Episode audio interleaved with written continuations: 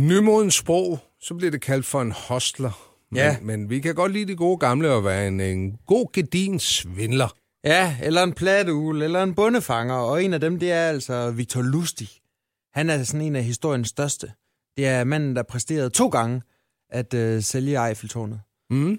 Øh, og i dag, der synes jeg lige, at vi skal hente lidt inspiration fra ham, fordi jeg jeg er sikker på, at der er rigtig mange, der går rundt med sådan en øh, Steinbacher i maven.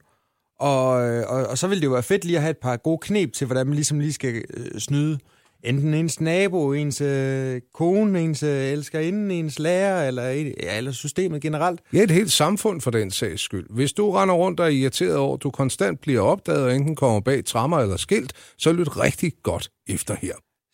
Øh, Victor Lustig, han øh, læste en øh, fransk avis, hvor øh, regeringen de brokkede sig over Eiffeltårnet. Eiffeltårnet stod i, øh, der i midten af 20'erne og skulle øh, renoveres, mm. og det ville koste en formue. Pisse dyrt. Så han, øh, så han sendte øh, breve ud til øh, produkthandlere, franske produkthandlere, og sådan sagde, jeg øh, henvender mig til jer på vegne af regeringen, og vi har øh, 7.000 øh, tons jern stående midt i Paris. Hvad vil du give for det? Og, og så kunne de ligesom byde ind. Øh, og det var der altså flere, der gjorde. Så solgte han lige Eiffeltårnet til den højst bydende, mm. og øh, skyndte sig og løb med pengene til vin, hvor han øh, ellers bare fyrede den af i øh, champagne. Og sus og dus og lidt Ja, ja, og så gik han ellers bare og ventede på, okay, på et eller andet tidspunkt, der må den her kvejpande jo melde sig og sådan sige, jeg er blevet snydt, jeg har købt Eiffeltårnet. Men det var der ikke nogen, der gjorde. Så han gjorde det igen, to år senere. Samme nummer, hvor han lige fandt en ny produkthandler, der så lige fik lov til at, at byde på, ind på, på Eiffeltårnet.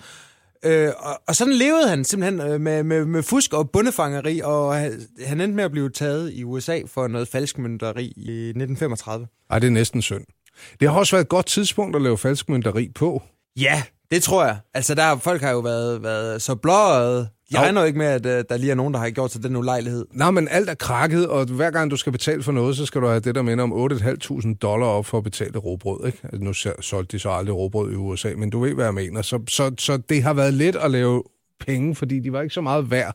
Victor Lustig, når man sådan kigger på ham, og sådan den måde, han bliver beskrevet på, så er han sådan en øh, meget, meget charmerende mand. Mm. Sådan næsten for meget, men altså sådan en, der, der altid er pænt klædt på, og som øh, altid sådan lige kommer med komplimenter, og efter dem, min herre, og så videre. Og han er altså kommet med, med 10 gode råd til, hvordan du bliver en øh, god øh, svindler. Mm. Og det handler om, at du aldrig skal se ud, som om du keder dig. Og du skal altid være pænt klædt på. Du må aldrig være fuld og beruset. Fordi at det, man er virkelig bare dårlig til at ja, sælge for eksempel Eiffeltårne. Eiffeltårne hvis, man er, hvis man er beruset. Og så skal du øh, kigge på, hvad folk de har af politisk øh, og, eller religiøs overbevisning, og så bare være fuldstændig enig. Så er det ligesom nemmere lige at finde øh, fælles fodslag. Den Og- går også i øvrigt i, i skurvognen eller i alt andet small talk. Det kan nogle gange være at sluge sin egen kæpheste, men, men det her med at gå ind og sige, du har ret. Så, så folk kommer virkelig til at kunne lide en, ikke? Og du skal aldrig tale om sygdom eller ting, der er dårlige. Nej. Kun gode ting. Og så lad være med at, at sådan presse på, eller sådan pral i det hele taget. Øh, de folk de skal nok komme til dig, hvis du bare lige sådan er tålmodig nok. Og, og øh, du skal heller ikke sådan prøve at snage i deres, øh, sådan, hvad, hvad de ligger og roder med. Mm. For når først du har vundet deres tillid, så skal de nok komme til dig.